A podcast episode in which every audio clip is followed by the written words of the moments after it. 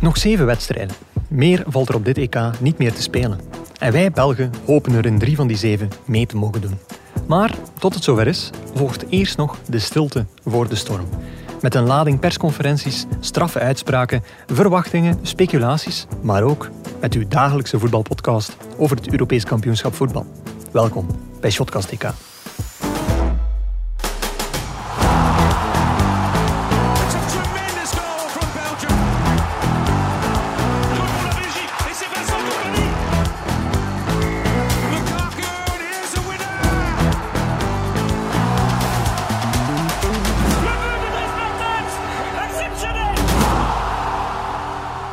Dag Lars. Dag Guillaume. Laten we starten met een eh, servicebericht. Oké, is het met jingle of niet? Nee, zonder jingle. zonder jingle. Maar eh, deze nacht bij het uploaden van de vorige aflevering schoot mij plots te binnen dat we helemaal op het einde van de aflevering geen mooi overzichtje hadden gegeven van eh, de kwartfinales. Oei. Dus ik heb ja. heel hard te doen met, met onze luisteraars die al 24 uur angstvallig aan het wachten zijn op precieze data, op precieze speellocaties, op precieze wedstrijden die in de kwartfinales plaats zullen Ja. vinden. U hoorde het hier eh, eerst Ja, eigenlijk. dus hè. niet eigenlijk. ja, Je hoorde het hier een dag te laat. Ja. En, en daarom wil ik voor die mensen speciaal eigenlijk de, de aflevering starten met de kalender. Ga ervoor, Ja. jongen. Vrijdag 2 juli 6 uur, Zwitserland-Spanje in Sint-Petersburg. Vrijdag 2 juli 9 uur, België-Italië in München. Zaterdag 3 juli 6 uur, Tsjechië-Denemarken te Baku. En zaterdag 3 juli om 9 uur, Oekraïne-Engeland in Rome. Ik zeg, ja, wordt er niet super warm van, van drie van de vier affiches. Maar nu zijn de mensen volledig mee. Ja, het is dat. Goed, dan kunnen wij zonder enig eh, eh, ja, schuldgevoel echt overschakelen naar de orde van de dag. Zijn we nog believers? De Rode Duivels mikken op maar één ding. Winst. Hoe is het de Belgische nationale ploeg vandaag vergaan? Met andere woorden, zijn we nog believers? Lars? Weer wat minder dan gisteren. Hè. Oei, Ja, het is echt een rollercoaster worden. En, en vandaag is het weer wat minder. oké, Ja. eh, verklaar je nader. Ja, de Bruine, Hazard en de Naaier eh, ontbraken op training. Of Ai. ontbreken op training as we speak. Want Dus de training is eigenlijk is- op dit moment bezig van is op opname. dit moment bezig. En ja, is het zand in de ogen? Of, of zijn ze echt niet in orde? Ja, het, wordt- het wordt weer zo'n een typisch wel eens niet eens Ja. eh, spelletje de komende dagen. Dus eigenlijk kunnen we er op dit moment niks zinnigs over zeggen. Dus ga ik ook niet beginnen speculeren. Nee, want Het is gewoon, ze zijn er niet bij, punt. ja, en we gaan het echt maar zien als die opstelling het veld oploopt voor België-Italië, Ja, denk ik. Zeker. ja. Tot dan gaat het gewoon een spielerij zijn. Ja, en inderdaad. we moeten proberen ervoor zorgen dat we er niet meegetrokken worden. Of we gaan, eh, we gaan de komende drie dagen gewoon niet overleven, denk ik. Nee. Dus we gaan het opmaken. over anders. Allee, we gaan... Oké. Dat is goed, ja. Eh, ja, zeker. Want eh, bijvoorbeeld, we kunnen het hebben over Timothy Castagne, die wel effectief, en dat weten we 100% zeker, terug heeft aangesloten bij de spelersgroep. Ehm, hij is nog niet fit, maar na zijn hoofdblessure begint nu een revalidatie. En eigenlijk zijn voorspelling van ik ga terug fit zijn voor de finale, waar we toen een Mhm. klein beetje mee, hmm, Timo, dat is wel heel enthousiast eh, ja. over gedaan hebben, Ja. die kan eigenlijk nog steeds eh, uitkomen. Dus dat is al goed nieuws. Dat is, dat is goed. Dat is goed. Wat eh, niet goed is, maar wel leuk, is dat de Rode Duivels ook een beetje ja, zich stout gedragen hebben tegenover de UEFA. Ja, dat is wel een leuk verhaaltje. Het is een leuk verhaal, inderdaad. Want enkele van de, van de Rode Duivels, waaronder eh Jurie Tielemans, eh, die hebben hun eh, familie de afgelopen dagen even kunnen zien. Maar wat met de bubbel? Ehm, ja, even kunnen zien mogen we vrij letterlijk nemen, want het is natuurlijk op een coronaveilige manier gebeurd. Dus ja. afstand van, van twee meter, plexiglas ontsmetten, mondmaskers. Ehm, dat is er allemaal gebeurd. Dat weten we nu pas, want dat is allemaal in het, in het grootste geheim gebeurd. Dus ze hebben elk apart en, en om de beurt het eh, oefencentrum in uh, Tuweken kunnen verlaten. Mhm. Even bij te praten met de familie. En ja, werd blijkbaar heel erg eh, gewaardeerd door de spelers. Dat ze die kans hebben gekregen van, eh, van Roberto Martinez alleen. Ja. En dan komen we een beetje tot de kern voor de zaak. Zoals Ja, ik zei, wat met de bubbel? Ja, wel, wat met de bubbel, ja. mm, Het, in principe mag het van de UEFA. Dus Oké. UEFA staat het toe, maar ze zeggen expliciet elk contact met iemand van buiten de ploegbubbel Ja. of de teambubbel eh, valt onder de volledige verantwoordelijkheid van de delegatie. Oké. Dus ja, als er... We know nothing. Ja, we know nothing. En, en als er besmettingen zijn, eh, of zouden uit voortkomen, is het eh, ja, onze schuld. Oké. Ehm, Dus dat is, dat is het standpunt van de UEFA. Alright, dus ja, een beetje handen wassen, zoals de betere Pilatus. Ontsmetten. Ja, ontsmetten echt. Oh, mooi, mooi, Ja, mooi.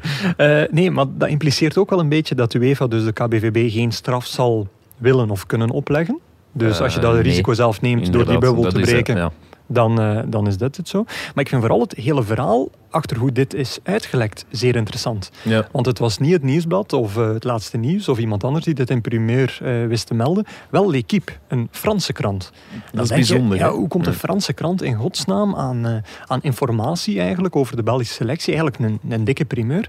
En dat bleek eigenlijk om, omdat de Franse spelers zelf met heimwee kampten.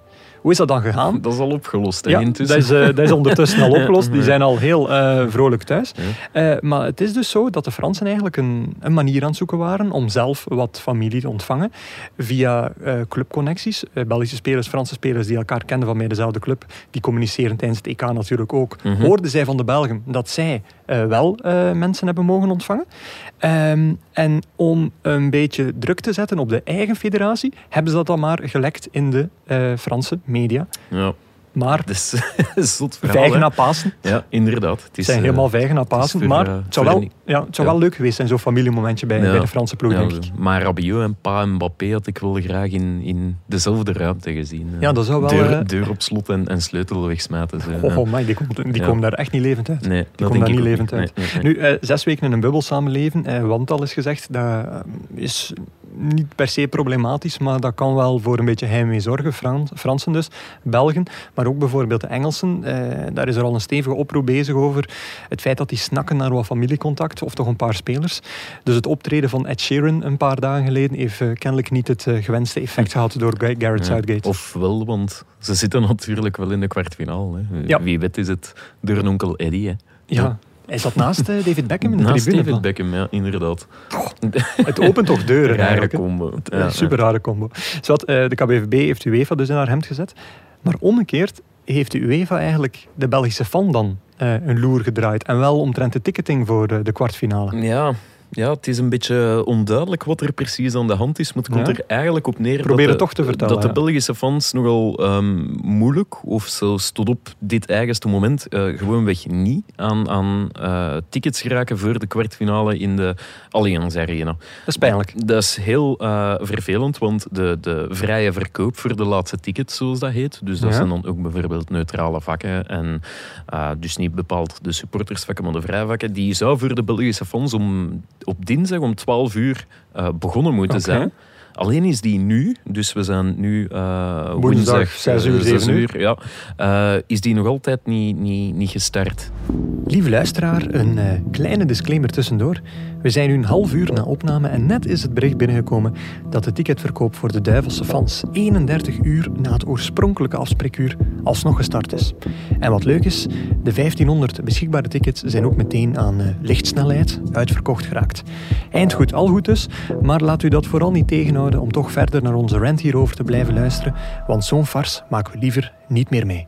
Dus ja, er wordt door een aantal supportersclubs eh, gevreesd dat de verkoop eh, van die neutrale vakken er gewoonweg niet meer gaat komen, omdat intussen tijd de Italianen met al die kaarten weg zijn. Want daar, is dat systeem wel up and running.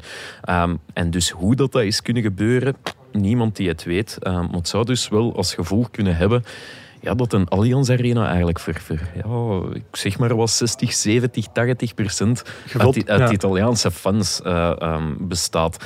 Ehm, want ja, voorlopig zijn er maar 1400 tickets verkocht aan, aan landgenoten voor, voor ja, echt dat Belgisch vak dat voorzien is. En Ja. dat is wel heel weinig. Dat is heel weinig in de tempel die de Allianz Arena is Eh, eigenlijk. en de. UEFA waarschijnlijk net zoals bij de Bubble, I Know Nothing. Ehm, elk land heeft een, is een ticketverantwoordelijke van de UEFA toegewezen gekregen. Maar die hebben ze nog niet te pakken gekregen, de supportersclubs. Wat eigenlijk, ja, you had one job. Ja, you had one job. En, en ja, maar ja, En ja, misschien congé gepakt op de verkeerde moment of zo. Ja. alles kan bij de UEFA, dat is waar. Nu, eh, ja, dat vele reizen, het is een uniek toernooi. Nu ja, uniek, eh, het WK 2018 in Rusland of het WK in Brazilië, dan, dan reis je ook veel, maar dan blijf je nog binnen hetzelfde land. Nu moet je meerdere landen eh, doorkruisen. Het heeft wel al voor, voor gekke stoten gezorgd. Mhm. Je hebt natuurlijk het goochelen met testen, quarantainedagen, vaccinatiepaspoorten, wat eigen is Mhm. aan, aan de actuele situatie nu. Maar ehm, ja, je wordt ook een beetje geconfronteerd met eh, potentiële geografische vergissingen. Eh, in België is, is het bijvoorbeeld het verschil tussen Genk en Gent is al meerdere keren een eh, probleem gebleken voor buitenlanders die het verschil niet zien. Tussen, eh, oh, deze speler transfereert naar daar, Ook, blijkt dan Genk te zijn en niet Gent. Mhm. Het ergste was toen een keer een Europa League confrontatie was tussen Genk en Gent in de knock-outfase van, van de Europa. League. Dat is helemaal gek. Verwarrend. Ja. Maar een weekje terug was er een groepje Franse fans die iets heel pijnlijk meemaakt op een gelijkaardige manier. Namelijk voor de Partij van Hongarije waren ze niet afgezakt naar Budapest, maar naar Boekarest. niet zoveel letterverschil. Jammer dat het een hoofdstad is van een totaal ander land, zijn de Roemenië. En het erge aan dat verhaal is dat die gasten die daar waren, het maar een uur op voorhand echt Ah, door hadden. nee, ja. Dus Ah, die waren er al van 's ochtends, die liepen daar op straat en die stonden er niet bij stil dat ze enkel maar wat Roemenen zagen en geen Hongaren met, eh, met vlaggen of Ah, gekleurde nee. gezichten. Dus een uur op voorhand eh, hadden ze het pas door. En dat was een beetje laat om nog de 870 kilometer Ja, eh, ik heb, te het, ik heb overbruggen. het ook net opgezocht hoeveel dat is. Dat haalde niet, hè. Dat haalde niet. Haalde dus dat is heel pijnlijk, maar dat is waarschijnlijk nog niet eens de ergste stoot die fans op die manier hebben uitgehaald. Goh, nee, ja, een pijnlijke stoot is het sowieso. Maar qua straffe stoten en qua ehm, we doen is zot, Ja. zijn er wel wat, wat voorbeelden te vinden natuurlijk. En, en de strafste, of de leukste, ik zal het zo zeggen, die ik gevonden heb, eh dateert van 2K 2014 Oké. ehm, in. Eh, Brazilië. Maar het verhaal begint in Argentinië. Dus Ah, daar begint het al. en ze ja. waren niet verkeerd. Het gaat over een eh, groepje Engelse fans die 100 dagen voor de start van het WK Ja. in Argentinië vertrokken zijn, te voet naar Brazilië. Te voet. Ja, goed voor, niet toevallig, 1966 kilometer. Oké. Wat dus uiteraard verwijst naar het, het jaartal waarin Engeland eh, de wereldtitel heeft gepakt. Dus 20 kilometer moesten ze te voet afleggen per dag. Eh, ja, ongeveer. Maar ja, dat is natuurlijk wel niet hetzelfde als hier. Hè. Dat, dat Ja. ging daar over extreme hitte. Hè. Dus ze zijn bijna uitgedroogd. Hè. eh, extreme hitte. Ja. Ze hebben het op een lopen moeten zetten voor, voor losgela- eh, losgeslagen stieren. Dus het was echt wel een, een, een, een zot verhaal dat die mannen hebben meegemaakt. Ehm, maar het was wel allemaal voor de goede zaak. Want ze Ja. deden het uiteindelijk om geld in te zamelen. Om in Brazilië eh, waterputten Oh, te kunnen eh, bouwen. Dus dat vind ik dan een mooi verhaal. En ze zijn uiteindelijk, want daar draait het wel om, Zijn ze op tijd? op, op, op tijd en op de juiste plek. Oké. Dus dat is allee, het anderste, uiterste van Ja, die, dat- die Fransen. Die, dat steekt ehm, nogal af met die Boekarest-Budapest verwarring. ja, inderdaad. inderdaad ja. Eh, verder nog iets sportief te melden. Ehm, sportief, ja, slash extra sportief, de, de scheidsrechter. Voor, Dat is redelijk eh, sportief, denk ik. Ja, oké, maar ja, nu niet over een speler, maar inderdaad, ja, de, de scheidsrechter is aangesteld voor eh, vrijdag. Felix Brie. Nee, nee. Maar wel een, een man met een verhaal. Het is een ref die ooit al is, eh, is gearresteerd. Hè? Waar, hebben we dan, waar hebben we dan nog gezien? Ja, ehm, Slavko Vincic is de naam. Eh, het is een, eh, is een Sloveen die vorig jaar is opgepakt geweest. Omdat hij er even van verdacht werd lid te zijn van een criminele bende die zich met, met prostitutie en eh, drughandel eh bezig Hoe, hield. hoe word je zo even daarvan verdacht? Ah, wel, eh, als we het hebben over de Engelse fans die op de juiste plek op het juiste moment waren. Hij was op het verkeerde plaats op het nogal verkeerde moment, om het zo te zeggen. Hij is ehm, ehm, een zakenman, hij heeft een eigen bedrijfje en hij was in Bosnië op het moment van de feiten voor een zakenlunch. Hij had een, een aanbod gekregen om een keer te gaan overleggen met een, een vrouw. Ehm, die zich nogal bezig hield met schimmige dingen. Zo Ja. bleek achteraf, want tijdens die zakenlunch is de politie daar met heel veel machtsvertoon eh, binnengevallen. Is hij opgepakt, is hij ondervraagd, maar bleek achteraf eh, gezuiverd van, van, van alle blaam, Ja. want hij was getuige. Zo bleek achteraf van, ehm, ja, hij kon eventueel extra informatie geven. Dus hij heeft eigenlijk niks misdaan. Oké. Maar En een goed verhaal, dat is wel een verhaal een waarmee dat je kunt uitpakken op café. hè. het zal wel zijn. Ik, En eh, ja. eh, weet je ook iets over zijn kwaliteiten als ref? Want na Ehm, Felix Brie eh, hopen we wel op een beter eh eh spelleider. Ehm, goh, wat heeft hij allemaal? Hij heeft, hij heeft wedstrijd, ja, van zijn kwaliteiten zelf, ja, dat is nogal moeilijk. Hè. Hij heeft wel Club Brugge en Genk in de Champions League geleid. Hij heeft ook al Denemarken-België geleid. De wedstrijd in de Nations League die we met 4-2 hebben gewonnen. Dus ja, qua kwaliteit zit dat wel goed dan, denk ik. Hè. Ehm, Slavko Vincic is de naam. ja, onthoud de naam. Onthoud de naam. Goed. Wij zijn up-to-date. Eh, voor de stand van zaken bij de Italianen schakelen we immers over naar onze wisselrubriek. Hallo Delvo. Wij zelf zitten heerlijk knus in onze studio. Maar dankzij onze vliegende reporter Maarten hebben we toch het gevoel dat we er elke dag middenin zitten. Alleen, vandaag hebben we onze vliegende Belgische reporter ingeruild voor onze vliegende Italiaanse reporter. Hallo, Willem Haak. Goeie, goedemiddag. Goedemiddag Willem, jij bent de host van de Italiaanse voetbalpodcast eh, Lo Stadio.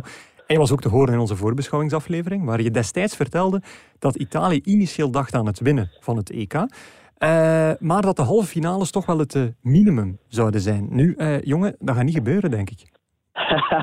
ja, als jullie het zeggen, dan gebeurt het niet. Maar hier denken ze er heel anders over in Nederland. Eh, d- jullie denken in Nederland dat Italië effectief eh, makkelijk de vloer gaat aanvegen met... eh, Nee, helemaal niet. Helemaal niet. Maar ik heb alle, alle pretjes van de Belgen gezien na de uitschakeling van, eh, van Nederland. Dus eh, ja, wij hebben nog een appeltje met jullie te schillen natuurlijk. Oké, hoe, ik voel een beetje vijandigheid, maar eh, dat proef ik graag. Eh, ik merk ook, eh, Willem, in Italië zijn ze precies wel wat zeker, want in de lokale pers wordt er al gesproken zelfs over een potentiële gouden bal voor eh, Jorginho na het winnen van de Champions League en nu ook een, eh, een top EK. Ja, ze, maken indruk dit EK. En het middenveld is misschien wel de sterkste linie. Eh, en daarin zie je dat Jorginho echt de basis is. En die heeft eigenlijk vier goede wedstrijden gespeeld. Is, is echt de leider misschien wel van dit Italië. Dus ja, het verbaast hem niks. En de Italianen die zijn natuurlijk altijd enthousiaster Mhm. als ze winnen. En, en voorlopig winnen ze alles. Ja, en dan is het afwachten hoe ze het tegen België doen. Maar het enthousiasme is er zeker nog niet eh, minder op. Oké, goed. Eh, wat is het meest recente nieuws van Italië? Is er bijvoorbeeld een, eh, een anti-Lukaku-plan, zoals de Denen hadden, of, of iets anders? Ja, we- wel een klein beetje. Want de afgelopen wedstrijd tegen Oostenrijk werd Chiellini nog vervangen door Acerbi. Ja. Terwijl Chiellini wel bijna fit was. Maar ze dachten, ja, we wachten nog even met hem brengen. Want we willen geen risico nemen. Maar ja, tegen België moet je wel absoluut met hem starten. En dat lijkt eh, Mancini dan ook te gaan beslissen.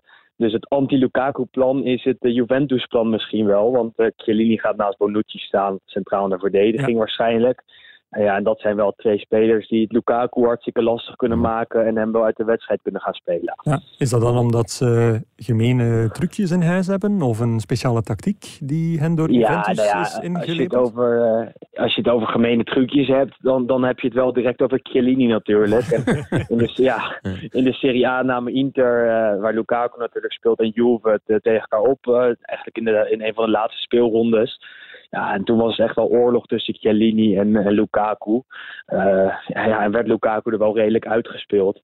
Dus eh, ja, het kan een risico zijn voor jullie Belgen dat Chiellini terug is. Ook al is hij natuurlijk al hartstikke oud, maar hij is ook hartstikke slim en, en gewoon nog heel sterk. En eh, dit EK heeft hij ja, nog niet veel gespeeld, maar ja, hij kan het Lukaku zeker lastig maken. Oké, goed. Het middenveld, eh, daar is al eh, veel inkt over gevloeid. Eh, Verratti nam zijn positie terug in tegen Oostenrijk. Locatelli viel Ja. wel goed in en was eigenlijk beter dan Verratti in die verlengingen dan. Ehm, wat gaat Mancini doen? Wordt het Verratti, wordt het Locatelli, wordt Barella opgeofferd? Nog iets anders? Ja, er zijn nog wel wat twijfels over, maar ja, Mancini is eigenlijk een beetje een risico-averse coach. Gaat altijd voor, voor dezelfde namen normaal gesproken. Dus ik verwacht dat Verratti gewoon gaat spelen naast eh, Jorginho en, en Barella. En dat Lukaku, of dat Locatelli dan natuurlijk bij Italië vanaf de bank weer gaat invallen. Ja. Ja. en daar is best wel wat, wat, wat discussie over natuurlijk. Want Locatelli is dit EK misschien wel de beste Italië-speler.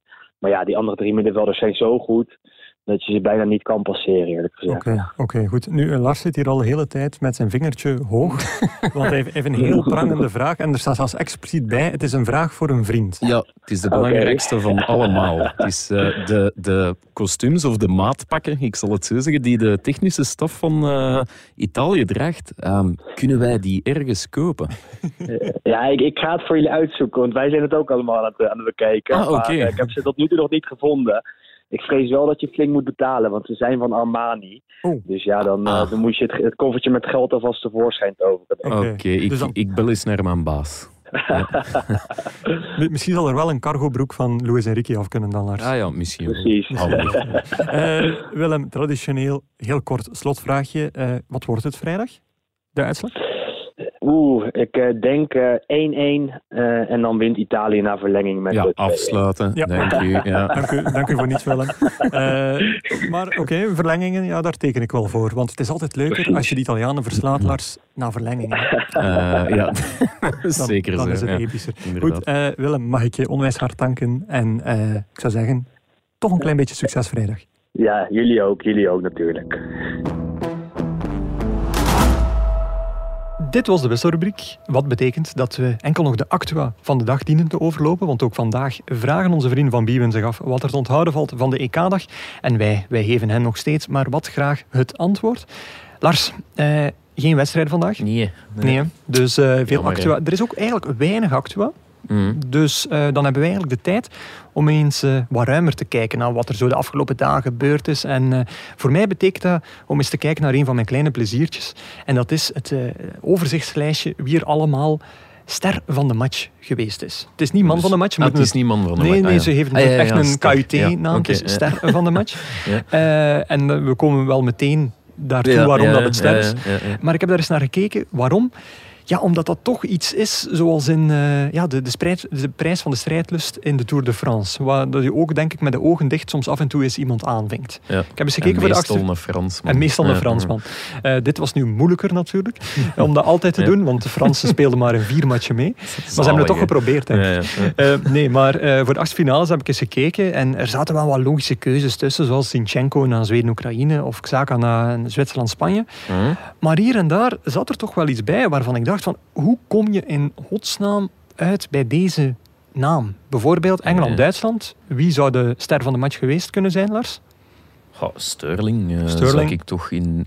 dat is toch de eerste naam die Ja. boven komt. Bij iedereen die een Ja. beetje voetbal volgt? Ja. Nee, het was Harry Maguire. Oké, ja, Ja, bon, dus apart, eh, ja. Dus dan denk ik ook meteen terug aan, aan Lukaku en niet De Bruyne, die verkozen was tot ster van de match in de partij tegen Denemarken. En dan vraag ik mij af, wie beslist dat in ja, godsnaam? ah, wel, hè, we hebben er ons even mee bezig gehouden. Het is dus geen populariteitspol, zoals je soms wel kunt hebben bij andere toernooien. Dat, dat, Dat de fan mag stemmen? dat van mag stemmen op, op Twitter bijvoorbeeld. Ehm, het is wel een commissie van 16 eh, ex-voetballers en, en trainers die erover beslist. Dus dan, mijn eerste dingen zou dan zijn, ah ja, die, die zullen het wel weten. Ja. Hè? En wie zit daar on- onder meer in? Eh, de bekendste, die al een keer even uit, eh, Esteban Cambiasso, eh, de Argentijn. Ja. Allee, gek genoeg. Of, hij Ja, wel weten al hoe goed. dat Ja. gaat. De leider van de commissie is een Argentijn. Fabio Capello, hè, de Italiaan Italiaanse succescoach. David Moyes, de Engelse coach. Eh, en de I. Robbie Keane. Eh, dat zijn zo een beetje de namen die wel een belletje doen rinkelen. Ja. Als je het eh, wat volgt. Ehm, Wie is de Belgische vertegenwoordiger? de, Die is er niet. Nee, Nee. Die is er niet. Oei, dat nee. is vervelend. Nee, Mark Wilmots kon niet. Ah. Ehm, nee, ja, ik weet het niet. Ja, nee, eh, geen een Belg. Ik weet niet hoe dat die of op welke basis dat die aangeduid worden, maar het is wel degelijk strak afgeleid. Commissie Zes- van 16. 16 namen. Ja. Alright. Ik heb er ook nog eens naar gekeken en eh, jij haalde de bekende figuur aan. Ja. Ik vind die onbekende eigenlijk interessant. Want Mhm. ehm, heel vreemd eigenlijk, heel apart, eh, is ook de aanwezigheid van Willy Rutensteiner, die een Oostenrijker is, Oostenrijkse zakenman, met ook een verleden bij de Oostenrijkse voetbalbond en zo. Maar die is op dit moment bondscoach van Israël. En die zit ook in die ster van de match eh, verkiezingen. Nu, ik ga de man zijn voetbalkennis natuurlijk niet eh te niet doen. Maar als je zo een leuke titel met toch een leuke prijs bij, of toch een, een beetje cachet Mm. dat daaraan vasthangt, selecteert, Ja, ga toch voor de zo hoog mogelijke namen. Inderdaad, En dan breng ik mij ook bij de tweede eh, die ik hier opnoem. Een, eh, een cultspits van Bolton, die echt geweldig is. Ehm, die ik persoonlijk geweldig vind, Mhm. wil ik zeggen. Eh Miksu Patelainen. En dat is een eh Finse spits. Miksu is een samentrek, is eigenlijk een bijnaam, want zijn voornaam is wat, wat moeilijk. Zijn de Mika Matti. Mika Matti. Mika Matti, Ja, dik daar hebben ze dan wel. Miksu van gemaakt. Ehm, en die zit er dan ook bij. En dan denk ik ook van, ja, hebt je carrière afgesloten bij een derde klasser in Schotland. Je bent wel een icoon in eigen land. Je, bent Mhm. nu, eh, je bent bondscoach geweest van Finland. Zit nu eh, te werken in Azië, waar je bondscoach bent van Hongkong. Hongkong uit, altijd lastig. Hè? Hongkong uit, Ja. altijd lastig. Moet je dan ook nog hier in dit panel zitten? Ja, dat is gek. Dat is gek, Een beetje ongeregeld. Ja, ja. en Oh. dat, dat ligt eigenlijk in lijn met de prijs die je krijgt. Ik zeg Ja, van, de titel heeft veel cachet, maar de prijs aan zich Ja. is wel stom. Eh, stom en knullig. Hè. Het, is, Oké. het is dus ster van de match. En, en, en wie, de, wie verkozen wordt tot ah, man van de match of ster van de match, krijgt ook echt zo'n lullig bekertje, gesponsord door Heineken. Niet Ja. toevallig een ster in hun logo. Ja. En dat is ook zo... Ja, een langwerpige ster dat je krijgt. Een ster op een, Een sokkel. langwerpige ster? Een- Ja, zo een, ster op een sokkel dat je krijgt. En ja, ik, ik, ik vind het maar niks. En dat is de lelijkste trofee die je ooit kan krijgen als eh, man van de match. Eh, de lelijkste wel, de, de meest bijzondere niet. dan niet. Want het is Er komt zover- een nutloos wezen. Ja, Ja, en, een paar. Hè. De- het, het kan nog altijd vreemder, want in de Zuid-Afrikaanse competitie kregen ze in 2018 eh, als man van de match eh 5 gigabyte eh, data dingen, ja, gratis, cadeautje van de sponsor. Iets verder terug in de tijd, ehm, 1995 Ja. werd ene eh Stephen Glass in de Schotse bekerfinale verkozen tot man van de match. En Ja. hij kreeg van sponsor Coca-Cola een mountainbike.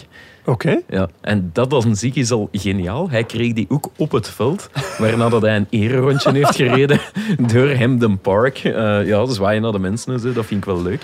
Eh, Martin Odegaard. eh, Bekend? Er niet bij op dit EK, wat Noor. toch wel jammer vinden. Ehm, die was speler van de maand bij Sociedad en die heeft in de lokale supermarkt is die beloond geweest met een gigantische vis. Een vis. Gewoon een vis. Een ja. echte vis. Een echte vis, een grote dat wel, maar toch gek. En dan moet je speler van de maand worden om een vis uit de Om supermarkt de te vis, om krijgen. de vis uit de supermarkt te krijgen. Maar Dan de- geeft mij dan toch maar die, eh, die ster van Heineken. Ja, dat weet ik niet. Je kunt dat niet opeten. Hè. Nee, dat is waar. Het zal misschien je tanden op kapot En bijten. je kunt het ook niet Ah, echt drinken natuurlijk. Nee, het is dat. Maar ik voel dat... Heineken. Ik We voel gaan dat er nog los over, Oké, want ja. de beste man van de match, award, die komt niet uit het voetbal, wel uit het Russisch ijshockey. Waar doelman eh, Saveli Kononov, als ik het juist uitspreek, een heel apart aandenken kreeg voor een man van de match. En nu mogen jij een keer raden. Eh, Russische ijshockeycompetitie. Eh, goh, wat zou dat allemaal kunnen zijn? Een paar schaatsen? Eh, nee, een AK-47. Wat? Zeg, een, een oorlogswapen. Een man heeft daar een oorlogswapen gekregen in de vestiaire om hem te bedanken voor zijn toomloze, inzet. Wauw. En, Kan alleen maar in Rusland. en moest dan een paar overwinningsschoten afvuren? Of? Ik weet niet wat ermee gebeurd is, maar er zijn beelden van op die en Twitter van die ploeg. Wauw. Oké. De man, ja, dat ze dan, ah, wel, dan misschien toch liever die ster. Die ster van, Ja, eh, van Heineken. Oké, ja. Goed, ehm, de fase tussen achtste finale en kwartfinale is, eh, is ook zo'n beetje het moment van, eh, van de bondscoaches, vind ik altijd. Mhm. Ehm, voor de Dark Horses die het goed gedaan hebben, wordt er gezwaaid met potentiële contractverlengingen. Voor de teleurstellingen dreigt dan ontslag. Eh, hij ziet het in dit geval redelijk... Hij, hij focust op de positieve graai op zo'n moment. want, want allee, het nieuws zou, zou eraan zitten te komen dat eh, Roberto Martinez ook na het EK aan boord zou blijven bij de Rode Duivels. Dus niet per se een contractverlenging, maar wel trouw ehm, blijven, aan boord blijven. Want er was wel natuurlijk de afgelopen maanden een beetje gespeculeerd over wat als hij het nu eenmaal zo heel Ja. goed doet. Eh, Barcelona is zelfs genoemd geweest in een tijd. Um, maar hij zou dus aanblijven na het EK, wat er ook gebeurt. Oké, wel, ik kijk liever eigenlijk naar die gevallen die het nu een beetje lastig krijgen. Dus dan denk ik al direct aan ploegen als Portugal, waar Fernando Santos bakken kritiek krijgt. Frank de Boer, die al eh, niet ontslagen is, maar zelf vertrokken is, met waarschijnlijk wel een stevig duwtje bij Ja, Nederland. Inderdaad. Eh, Joachim Leu, van wie het op voorhand al eh, eh, Bekend was. bekend En die met pek en veren nu uit het Duitse bondgebouw is gejaagd. En Didier Deschamps is ook al door de Franse voorzitter op het matje geroepen. Maar zou hem toch mogen aanblijven tot het WK in Qatar in Ja, 2022. Als ze daar even goed doen als dit jaar, mag dat van. Dan, dan mag dat perfect. Alleen, mijn persoonlijke favoriet is eigenlijk het land van de AK-47. Ja, Want de Russische bondscoach. Cherchesov heeft wel een apart verhaal. Ehm, die heeft dus negen dagen geleden, negen dagen geleden, een 0 op 9 verwezenlijkt in groep B. Zoals iedereen wel weet, was een groep van de Belgen. En nu is de technische commissie van de Russische voetbalbond daarover met een eh, evaluatie naar buiten gekomen. En die klonk, hou je vast, als volgt. Stanislav Cherchesov krijgt van ons een onvoldoende. Oela. Dus negen dagen over nagedacht. Conclaaf. Ja. En eh, de, de conclusie is, is moordend, is, is verrassend. Eh, Het land staat op stelte. Nu, uh, Cherchesov krijgt dus die conclusie te horen. Die aanvaarde die conclusie. Ik vind het ook moeilijk om te kunnen ontkennen dat je na een 0 op 9 geen onvoldoende zou kunnen krijgen. Mhm. Ehm, en hij voegde erbij aan, zelf aan toe dat hij ook niet bijster tevreden was met de prestatie van zijn ploeg. Dus qua Ja. verantwoordelijkheid even op iemand anders leggen, eh, is, dat wel, eh, is dat wel geestig. Mhm. Alleen, wat volgde, ja, ze dronken samen een glas, deden een plas en alles bleef zoals het was. Want Cherchesov heeft een contract tot 2022. Ah, En- hij blijft. Ja, los van, Ah, los van, Ah. die, van, die, van dat rapportje dat hij gekregen heeft, kwam er geen verdere mededeling. Misschien moet hij nog komen, maar op dit moment blijft gewoon Cherchesov. Maar ik vind dat wel een keer goed, of een, een, een verademing. Los, Oké. ja, negen dagen lang is te lang om tot die conclusie te komen. Maar ik vind dat wel een keer goed dat ze zeggen. Want ik vind dat er heel snel en al te vaak direct één dag na een toernooi of één dag na een Ja. uitschakeling wordt gezegd, ja, en nu ophoepelen. In veel gevallen is dat gerechtvaardigd en is dat ook de uitkomst van iets dat al veel langer aan het spelen is. Maar ja, waarom niet? Waarom ja, Inderdaad. een beetje een teken van vertrouwen dat mag ook is. Ja. En één ding is wel zeker. Tjertsesov heeft wel geen AK-47 gekregen na de groepsfase van dit toernooi. Nee, nee. Ja, van, je weet het niet. Hè. Ja, misschien wel. Hij dat. alleen in een kamer en die AK-47. Voilà, en dan je krijgt een uur en anders komen we binnen. Ja, zoiets. Ja. Eh, Oneervol ontslag. Oneervol Ja. ontslag, dat is een goede term om dat zo te noemen. Goed, eh, we zijn weer helemaal mee. Het is tijd voor de afsluiter.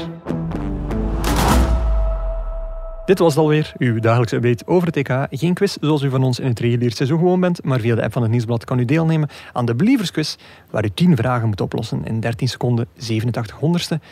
Lars, wat staat er vandaag in de krant? Eén dag voor het treffen met Italië? Ehm, een retro-verhaal over het EK 1972. Oké. Toen België dus wel mocht en kon organiseren, het EK dan eh, zelf.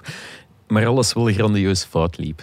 Nog Dus een één- teasertje of is een, dit een, teaser? een soort grote Belgemop. Eh, Een daar grote Belgemop, eigenlijk ja. op neer. Ehm, Vat het samen in één kernwoord dat de lezer volledig moet overtuigen voor de 2,99 euro per week actie. Mag ik één naam geven? Eén naam is ook goed. Frank Raas. Frank Raas. Ja. Oeh, Ja, ben ik wel getriggerd. Dat, is, ah, voilà, dat was Oké. exact de bedoeling. En eh, op onze site of eh, in de krant, als eh, onze gewaardeerde baas Nico van Ee de krant nog eens overhoop zou gooien, eh, komt er ook een, een reconstructie van de horrordag van Mark Wilmots. Want we zijn de aflevering van 1 juli. Mhm. Eh, 1 juli is het vijf jaar, exact vijf jaar geleden, ja, dat we toch een, een, een van de pijnlijkste episodes uit onze duivelse geschiedenis kennen. België-Wales. België-Wales. Daar is ook een stuk over geschreven door Ludo van de Wallen. En eh, ja, dat valt allemaal te lezen voor de zeer democratische prijs van... 2,99. Ik heb Ja. het tussendoor al gezegd. Ah, oké. Ja, ja, ik was zodanig in mijn dingen, maar 2,99. Ja, ja. We Ik was gaan aan het zoeken naar de nog naam Frank Raas. Maar het is goed dat je daar... Hij mocht Frank op inhoudelijke focussen. Ik zal mij op al die saaie randzaken focussen. Ah, wel. Zoals Ik- bijvoorbeeld- Een goede vertelling. Ah. Is Zoals- er een kalender? Ah, wel, kijk, ik zal hem, om het echt goed te maken, nog eens herhalen. Oké. Eh, vrijdag 2 juli, 6 uur, Zwitserland-Spanje in Sint-Petersburg. Vrijdag 2 juli, 9 uur, België-Italië in München. Zaterdag 3 juli, eh, om 6 uur, Tsjechië-Denemarken te Baku. Zaterdag 3 juli, 9 uur, Oekraïne-Engeland te Rome. Dan rest er mij niets anders meer dan eh, te zeggen aan de mensen die Megascore missen om eh, naar beachamp.bwin.be te gaan. Dat kwam er even moeilijk uit, Ja. maar het is nog steeds beachamp.bwin.be. Eh, en jullie te bedanken voor het luisteren. Te zeggen, geniet van het EK en tot morgen. Dit was Shotcast EK, uw dagelijkse afspraak met de voetbalpodcast van het Nieuwsblad. De presentatie was in handen van Guillaume Mabe, Gert Gijssen en Lars Godot. Jarno Herftijd hielp bij de rubriekjes. Bwin is onze trouwe en geliefde sponsor. De muziek werd verzorgd door Stef Leenaerts van House of Media. Zijn collega's verzorgden de montage, waarvoor grote dank.